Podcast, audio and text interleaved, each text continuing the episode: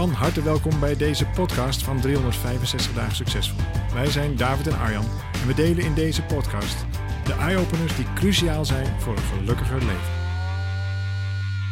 Mooi, fijn dat je nog even geschoren hebt voor deze mooie podcast. Maar goed, ze zien het toch niet. Wel goed, je moet altijd goed uitzien op de radio. Dat is ook wel heel goed. belangrijk. hey, eh, hoe is het?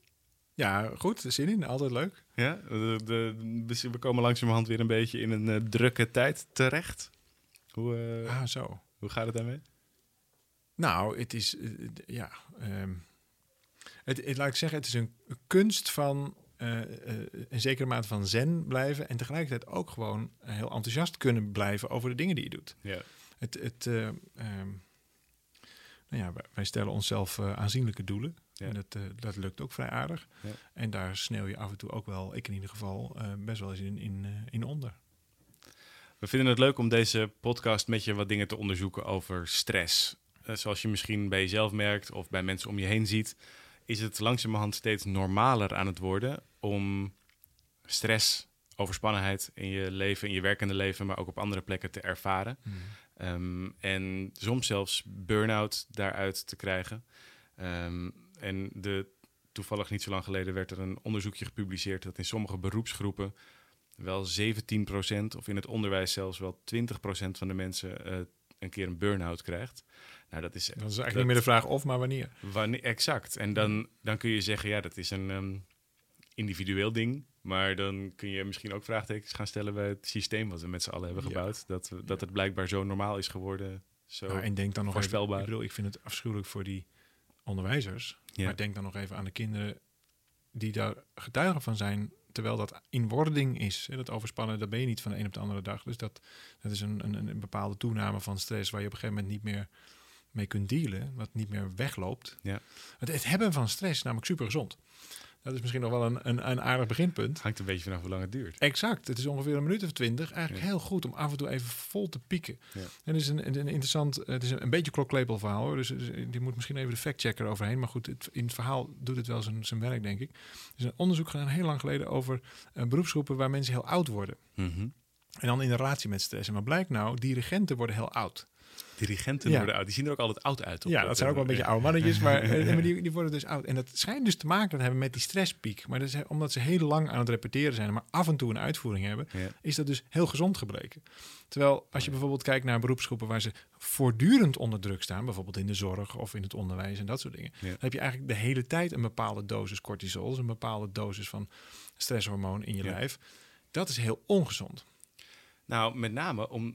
Ik bedoel, zoals jij net zei, is het natuurlijk individueel voor zo'n leerkracht of voor wie dan ook. Die Mhm. Maar het hele systeem leidt daaronder. Maar ja. in zo'n klas heel letterlijk. Want Ja. eh, eh, weet je, emoties zijn besmettelijk. Uh, dat, kun je, dat weet je meteen. Als ja. er iemand, eh moet je voorstellen dat je met tien vrolijke mensen in een ruimte zit en er komt iemand binnen en die is heel somber, dan is ofwel een paar minuten daarna is ofwel die sombere persoon ook vrolijk, of die vrolijke mensen zijn een stuk somberder geworden. Want dat is gewoon namelijk wat er gebeurt. En dat gebeurt met stress heel aanwijsbaar. Ja, en helemaal in autoriteitsverhoudingen. De, de, de, de, Ja. de juffrouw of meester is ook nog een rolmodel. Klopt. En op het moment dat jij dus als een rolmodel ziet dat het iemand is die eigenlijk niet happy is met nou, hoe het nu is, Ja. die daaronder Ja. dan ga je daar, zelfs ook al wil je dat niet, en zeker kinderen, die kunnen zich daar eigenlijk niet zo goed tegen wapenen, want die hebben dat besef nog niet, Nee. die gaan daar dus mee, mee te dealen hebben en er dus zich toe verhouden en misschien dus ook wel op lijken. Ja, dat wordt is, de norm. Er is meetbaar meer stress bij leerlingen in een klas waarvan de docent stress heeft. Ja, dat verbaast me. En, de, eh, eh, en dat heeft effect op de manier waarop ze toetsen maken, waarop enzovoort. Dus kortom, de, eh, daarmee kom je in een soort visueuze cirkel terecht van, ehm, van nog meer stress. Want zo'n docent wil natuurlijk het goede doen, voelt zich betrokken bij de leerlingen, Ja. voelt zich verantwoordelijk, wil graag dat die kinderen goede dingen leren, goede resultaten halen. En ziet ondertussen dat het moeilijker wordt, dat zo'n klas misschien wel onrustiger wordt zelfs, of dat er van alles gebeurt. En daardoor kom je in een soort eh, cirkel terecht die heel moeilijk in je eentje te stoppen is. Ja, en tegelijkertijd zit ik even te denken aan waar, hoe we begonnen. Wij, wij hebben ook behoorlijk veel hooi op ons vork. Ja, En, en, eh, ja, en ook best regelmatig. Wij staan niet zoals een, een dirigent één keer of twee keer per jaar eh, waar we naartoe werken voor één groot ding. Dat gebeurt echt wel maandelijks en if Ja. not vaker. Ja. Hoe ga jij ermee om? Hoe, zorgt Want jij bent zeker, ik ben, ik ben nog wat meer de, de, de, het, het, opzoeken van de stress. En ik ga ook iets bewuster zo'n bubbel in. En ik deal daarmee op mijn manier. Maar jij Ja. lijkt er heel erg glad door. Je bedoelt, het zal van binnen misschien iets anders uitzien. Maar je, hebt, je, bedoel, je hebt ook nog net nog een vierde kind gekregen. Je, Ja. hebt, eh, je hebt echt veel, veel te doen ook bij ons. En tegelijkertijd ben je eigenlijk heel constant. Hoe doe je dat dan? een soort stabiele, stabiele diesel.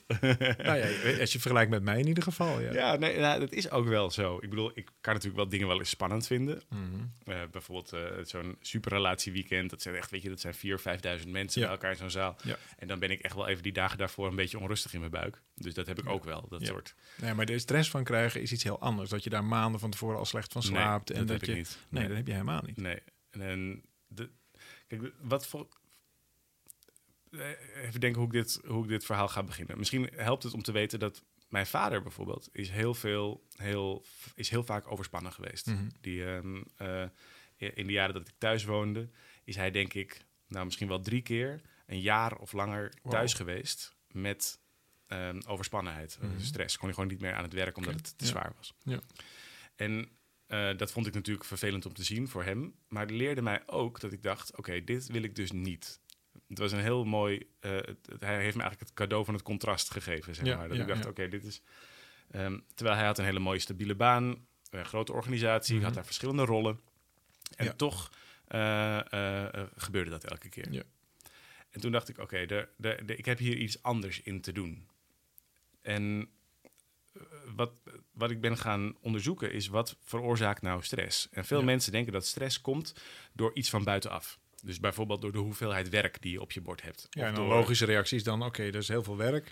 Dus dan moet het merk, werk wat minder, Ja, toch? ja exact. Of, Gaan of minder- dan halen we het rustig even helemaal weg. Ja, Of we gaan een En dagje minder werken. je, precies, en dan herstel je. En dan vervolgens kom je terug en dan krijg je weer de- dezelfde hoeveelheid Ja, werk op dus zo'n hoeveelheid werk is zo'n factor van buitenaf. Maar ook bijvoorbeeld of je leidinggevende het wel goed genoeg vindt wat je doet. Of, Oh, of je, oh, zeg maar het oordeel van een ander. Nou, zo, zo zijn er veel van dat soort ehm, eh, externe factoren waarvan mensen denken dat dat stress veroorzaakt. Mhm. En wat ik ontdekte is dat dat, dat, dat hele uitgangspunt niet klopt. Eh, het, is het is ook niet zo heel helpend, want ja, je kunt nou eenmaal heel vaak moeilijk veranderen wat je leidinggevende van je vindt, of moeilijk veranderen Mhm. hoeveel werk er op je bord komt, in veel gevallen. Dus, heb- dus dat is nou eenmaal wat het is. Ja. En dan kun je beter kijken naar wat je wel kunt veranderen. Mhm. En wat ik leerde is dat, dat eh, in de psychologie wordt het onderscheid gemaakt tussen aan de ene kant je draaglast en aan de andere kant je draagkracht. Ja, dat stuk hiervoor bedoel je echt, echt draaglast. Dus Ja, dat is de last op je schouders. gewoon zoveel werk moest doen dat eigenlijk elke keer maar weer op vastloopt. Nou, Dat- dan moet hij weer een jaartje herstellen, dan gaat de draaglast er weer af. En dan, Ja, Vervolgens- de, exact. De, de, de last op je schouders is dat. En, en vaak gaat het ook in de behandeling van stress. Dat zie je ook vaak bijvoorbeeld bij bedrijfsartsen. Die gaan Ja. onderzoeken of hoe kun je minder die last hebben. Kun je een tijdje wat rustiger aandoen, wat minder werk, iets Ja. andere functie. Ja. Eh, en daarmee ga je aan de slag met die, met die externe factoren, met die, Mhm. bedrijf, met die draaglast. Maar wat er niet verandert, is je eigen draagkracht. En volgens mij was het Kennedy die ooit zei dat je eh, niet moest hopen op kleinere problemen, maar dat je moest hopen om zelf groter te worden of zelf te groeien. Want dan kun je namelijk meer problemen aan. Hm. En als je meer problemen aan kunt, ben je stabieler, ben je betrouwbaarder ben je, en ben je uiteindelijk ook. dus dan gaat het over gelukkiger. draagkracht of zoiets. En dan blijft er dus draagkracht Ja, over. ja, Ja, en, ja. en ik ben me gaan verdiepen in ehm, draagkracht. En toen wij samen begonnen met dat hele project van 365 dagen succesvol, toen we daar ons eerste boek over Mhm. schreven, toen kwamen we er eigenlijk achter dat er vier gebieden zijn in je leven die je op orde wil hebben. Namelijk je fysieke en mentale gezondheid. Je wil fit zijn in je lijf, fit zijn tussen je oren. Je wil stabiele relaties hebben. Liefdesrelatie als belangrijkste, maar ook stabiele relaties met andere belangrijke mensen om je heen. Je wil werk hebben wat je energie geeft. En je wil je geen zorgen hoeven maken over geld. Ja. En als je die vier dingen op orde hebt, dan organiseer je voor jezelf draagkracht. En ik merk bij mezelf dat ik heel. ehm, ik, denk dat, ik, dat het me goed lukt om heel stabiel te zijn mentaal. Onder andere doordat ik mijn eigen gedachten niet zo serieus neem. Of doordat ik niet alles geloof wat ik denk. Mhm. Of als ik me ergens zorgen over maak, dan denk ik, ach, dat gaat wel weer voorbij. Of ik overleef het wel. Of ik ben er Mhm. nou toch. Weet je, ik heb een paar van dat soort Ja. mantra's voor mezelf die Ja. goed werken. Ehm, ik zorg ervoor dat ik eh, eh, fysiek fit, fit genoeg ben. Dat is voor mij af en toe nog een worsteling vanwege mijn diabetes. Maar dat lukt me Mhm. goed om dat goed te krijgen. Eh, ik, ik investeer heel veel tijd en aandacht in mijn relaties. Ja. In, met mijn vrienden maak ik super belangrijk. Met mijn familie maak ik belangrijk. Met mijn liefje het allerbelangrijkste. Met mijn kinderen. Zodat dat ook een soort nou, vangnet is of zo, zou je kunnen zeggen. Een soort... eh, Nou ja, onderdeel van een sociale Fundament, structuur. Ja. ja. Ja. ik heb heel expliciet de keuze gemaakt, net als jij dat ook hebt gedaan, om werk te doen waar we energie van krijgen. Waar we tot ons recht komen, waarin we in ons element kunnen zijn, waarin we kunnen leren, dingen doen die we te gek vinden, van betekenis kunnen zijn voor anderen. En daardoor is wat veel mensen de hele tijd hebben, dat ze zich verheugen op de, op de vrijdag. Kan ik me echt verheugen op dat we weer een mooie nieuwe week voor de deur staan. Met ja. allemaal toffe dingen die we gaan doen. Ja. Nu ook dit weekend gaan we weer een heel weekend seminars geven. En dat, daar komen, komen weer 1500 mensen in de zaal bij elkaar. En ik verheug me er ontzettend op Ja. om daar weer met elkaar aan de slag te gaan. Ja. En vervolgens heb ik het zo gepland dat ik door mijn lasten relatief overzichtelijk te maken, door, daar, ehm, door geen grote gekke aankopen te doen, eh, door, de, door goed te plannen, dat ik ook geen financiële stress heb. Mhm. En die, ehm, die, die vier elementen samen zorgen voor een soort, nou, ja, hoe noem je dat? Een soort vangnet of fundament. Waardoor ik het idee heb, van, kom maar op met die problemen. Want ik, het, ik kom er, ik, het, het lukt me wel. En het voordeel wat ik natuurlijk gehad heb, is dat ik daarin ook heel veilig ben opgegroeid. Ik bedoel, ik snap dat dit, ik geloof dat iedereen dit kan bereiken op die vier gebieden. Ja. En de mazzel die ik gehad heb, is dat ik in een hele veilige, sta- redelijk stabiele omgeving ben opgegroeid. Met veel liefde en, eh, en, eh, en daardoor een soort stabiele voeding in mezelf heb Mhm. gevonden. Eh, maar ook als je dat niet hebt gehad en als je uit een omgeving komt, we hebben inmiddels in onze programma's daar zoveel bewijs van gezien. Oh van, ja. van mensen die uit Ja. totaal andere omgevingen komen, maar die wel met die draagkracht aan de slag gaan. Die, vinden, die hebben daardoor een manier gevonden voor zichzelf om, nou, weer eh, stressbestendig te zijn. Kijk, wat, wat helpt in, in, eh, in dit verhaal, als je hier dan zo naar zit te luisteren, denk je, ja, dat is, dat is een hele route om dit af te leggen voordat ik een beetje draagkracht heb. Elk beetje draagkracht wat je jezelf cadeau doet, helpt de hele situatie al. Klopt, ja. Dus Je, je hoeft niet met alle vier, alle vier op 100% Nee, te zitten. Helemaal niet zelfs, nee. Nee, en als je dan op één plek zou beginnen, dan zou ik beginnen op het eerste stuk waar je mee begon, met dat mentale stuk. Ja. Op het moment dat je eh, beseft, en bijvoorbeeld niet alles wat ik denk is waar, of met name dat je beseft, joh, op een dieper niveau, ik ga het in ieder geval overleven. Ja. Vraag me niet hoe, maar ik ga het sowieso overleven. Klopt. Dat helpt al een heel stuk. Ja. Dus wij nemen voor, voor eh, nou, niet alleen in onze persoonlijke levens, maar vooral ook zakelijk, nemen we best wel grote risico's. Ja. En dat kan omdat we weten dat, er, dat we altijd wel ergens ehm, van waarde zouden kunnen zijn. Ja, we creë- als alles in elkaar stort, creëren we het weer opnieuw. Ja, creëren we het gewoon weer soort- opnieuw. Zo'n soort basisvertrouwen. ja. En dat, dat, he- dat, bedoel, dat is wel in de loop der jaren gegroeid en sterker geworden. Maar het helpt dat dat ook voor jou geldt als je hier naar zit te luisteren. Je Ja. kunt veel meer aan, je bent veel inventiever, je bent veel vindingrijker dan je eigenlijk denkt. Nou ja, ja, de Nederlandse cultuur is natuurlijk eentje van mislukkingen eh, vermijden. Je mag, je, eh, terwijl in Amerika wordt het meer gevierd als je failliet gaat. En dan krijg je daar, dan heb je, dan ben je de ervaren, degene met ervaring die juist door anderen gezien wordt als een leraar. Van oh, wat interessant, hoe ben je daarmee omgegaan? Terwijl hier in Nederland word je gezien als een failure als zoiets een keer gebeurt. Ja, wij zijn een veel Calvinistischer in die Ja, zin. ja. en daardoor hebben we dus ook, dat is onderdeel van het systeem volgens mij, waarin falen per definitie zwaarder is en dus ook meer stress kan veroorzaken. Of de suggestie van falen of de gedachte aan dat je dat misschien ooit een keer gaat gebeuren. Terwijl als je dat wat, nou, durft te onderzoeken, wat is dan het ergste wat er kan gebeuren? Je, je moet het in Nederland wel heel bond maken om onder een brug terecht te komen met je, met, met je Nee, kinderen. zeker. Er is een- juist hier een heel groot vangnet, waardoor je en, en al georganiseerd vangnet, waardoor je, nou ja, het is bijna onmogelijk. Daar moet je bijna apart voor kiezen. Ja, Hè, dus op het moment dat je, dat je je gezonde verstand blijft gebruiken, Ja. kun je veel meer dan je denkt dat je kunt. Dat is volgens mij een heel fijn uitgangspunt. Ja, het is natuurlijk heel hip om, om de hele tijd te zeggen: nee, volg je hart en eh, je, je, je volg je gevoel. En ik denk eerlijk gezegd dat je in sommige gevallen, mij helpt het in ieder geval heel erg, om ook wat vaker gewoon je verstand te gebruiken. Want in heel veel van die, bijvoorbeeld in de cognitieve gedragstherapie, Mm. ge- eh, daarin benoemen ze die overtuigingen over dat je niet goed genoeg bent of over dat het niet goed zal gaan, eh, benoemen ze als irrationele overtuigingen. En in het, in het idee of in het woord van irrationeel, dat zou, je ook, dat zou je ook kunnen vertalen als niet per se waar. Ja. En op het moment dat je weet dat het niet per se waar is, ja, waarom zou je dat dan wel geloven? En waarom zou je daar dan wel stress van Maar krijgen? reken maar dat op het moment dat je ze wel gelooft, dat er ook meteen een emotie uit voortkomt. Ja, En dus al, al die emoties die je denkt te ervaren, of die probeert te voorkomen, het gevoel van falen, het gevoel van ik hoor er niet bij, het gevoel van niet overleven, Ja. dat dat eigenlijk ook irreële gevoelens zijn, automatisch. Ja, ja, en volgens mij zit er uiteindelijk één, nou misschien een paar, maar in ieder geval één hele centrale basisovertuiging onder die je altijd bij jezelf kunt onderzoeken. En volgens mij het verschil tussen mensen die wat meer stress ervaren en mensen die dat minder hebben, oftewel mensen die wat minder draagkracht hebben en mensen die dat juist wat meer hebben, is dat je eh, dat terug kunt leiden tot de basisovertuiging of de wereld wel of niet een veilige plek is. Ja.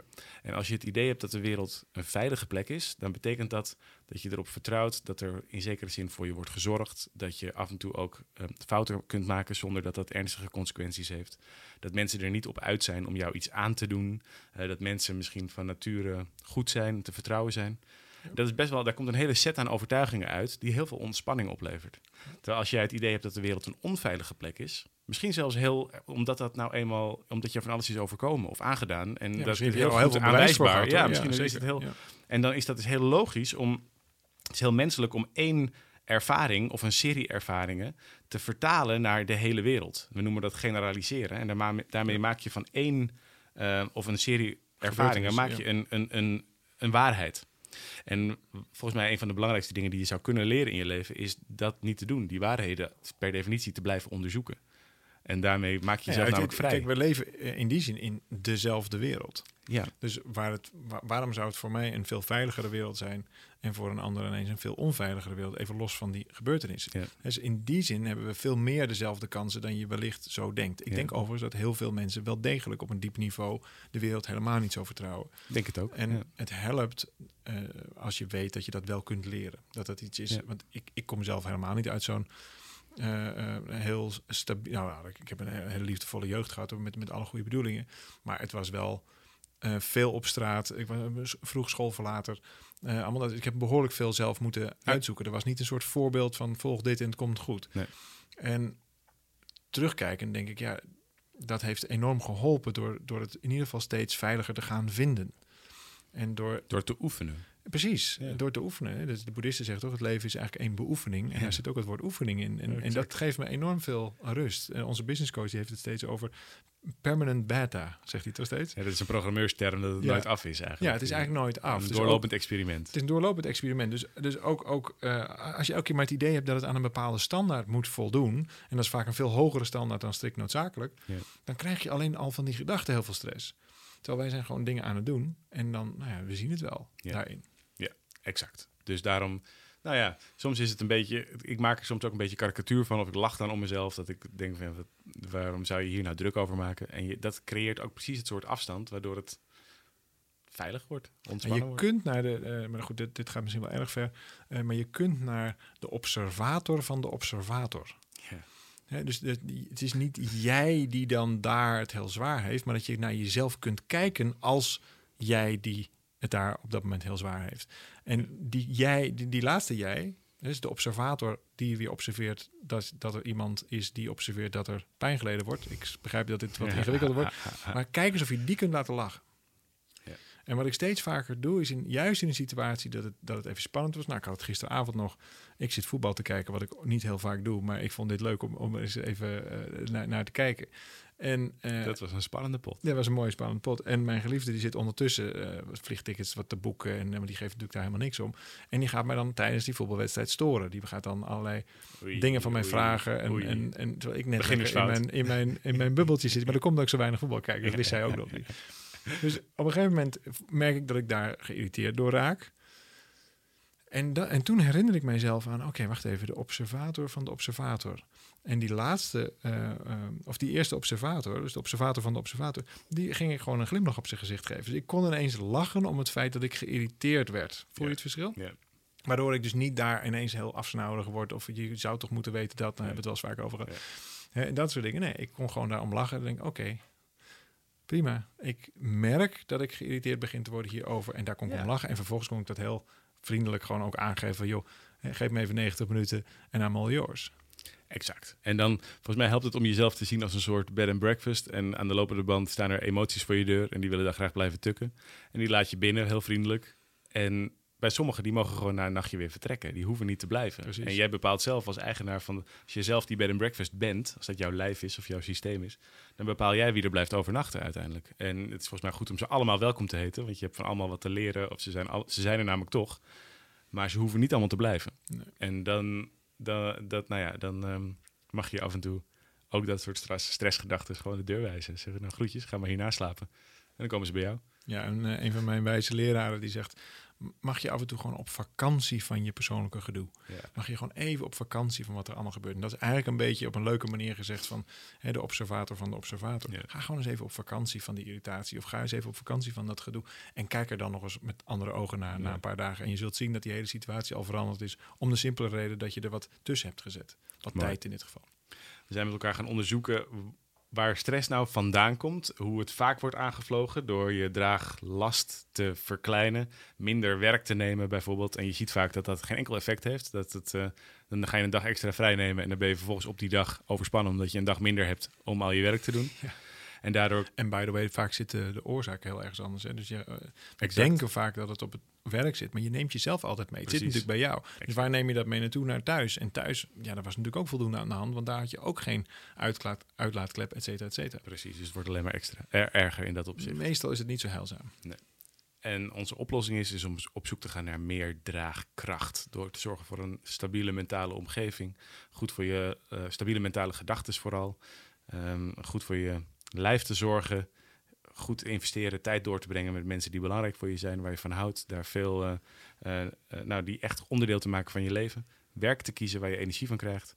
En te zorgen dat je het financieel voor jezelf op zo'n manier regelt. Dat je er in ieder geval geen zorgen over hebt. Ja, dat zijn nog een heleboel dingen die, je- die kantoor zit. Maar volgens mij is er één belangrijkste ding waar je in ieder geval meteen kunt beginnen, is investeer in je persoonlijke ontwikkeling. Ja. Namelijk, dan maakt het namelijk niet uit op welk gebied je begint. Klopt. Maar zodra jij begint te groeien, Ja. groeit automatisch je draagkracht. En daarom vind ik het zo bizar dat we op, bij bedrijven wel allerlei time management cursussen krijgen. En weet ik het allemaal wel niet op inhoud. Ja, Maar op het moment dat het gaat over persoonlijke ontwikkeling, zeggen ze nee, het is een privé ja, aangelegenheid. nee, het zijn doekjes voor het bloeden, dat soort. eh, Nou, ik denk Ja. dat als je, als je mensen in, in een permanente staat van ontwikkeling zet, Krijgt, in ieder geval dat, dat, dat aanbiedt, dat het heel veel eh, tot gelukstoename leidt. Ja. Dat je veel meer krachtigere persoonlijkheden krijgt. Zeker het, het weten. hangt uiteindelijk echt af van een ontwikkeld zelfbeeld. Een, een, een, er wordt een persoonlijkheid en dat kun je leren. Dat kun je gewoon leren door simpelweg eens een boekje daarover te lezen. Laat Netflix een keer achterwege of kijk eens een documentaire op Netflix Ja. die daaraan bijdraagt. Ja. Et cetera. Mooi. Een hoop om over na te denken. Veel om mee aan de slag te gaan zelfs, als je dat zou willen. Ik vind het heel leuk om van je te horen wat je hieraan hebt. Wat je eruit haalt voor jezelf. Wat je ermee kunt of misschien al mee gedaan hebt. Eh, laat het ons alsjeblieft weten. Via Facebook, via Instagram, op de mail, op andere manieren. Eh, je kunt ons op allerlei manieren bereiken. We vinden het ook leuk om van je te horen wat je graag zou willen dat we bespreken in dit soort podcasts. Goeie, ja, zeker. Heb je naar je zin een podcast opnemen? Ja, ik vind het leuk. Ja. Ik vind het vooral leuk dat we wat meer eh, de, de tijd krijgen om ons eh, ook, ook zelf daarin in, eh, in te denken. Ik bedoel, dit zijn niet uitgescripte, voor, voorbedachte eh, Nee. gesprekken. Wij, Nee. wij, wij hebben het gesprek over hoe we er op dit moment over denken. Ja. En misschien denken we er over een week wel weer heel anders over. Dus ik zou zeker weer naar de volgende podcast luisteren. Ja. Want voor je weet leren we zelf ook nog eens wat. En Ja. dat vind ik ontzettend leuk. En daarom vinden we het leuk om het samen te doen. Dus voel je alsjeblieft vrij om hier van alles over terug te roepen naar ons. En dan, wie weet, is jouw vraag wel het onderwerp van de volgende podcast. Leuk dat je geluisterd hebt. Dankjewel. En tot gauw weer. Tot gauw.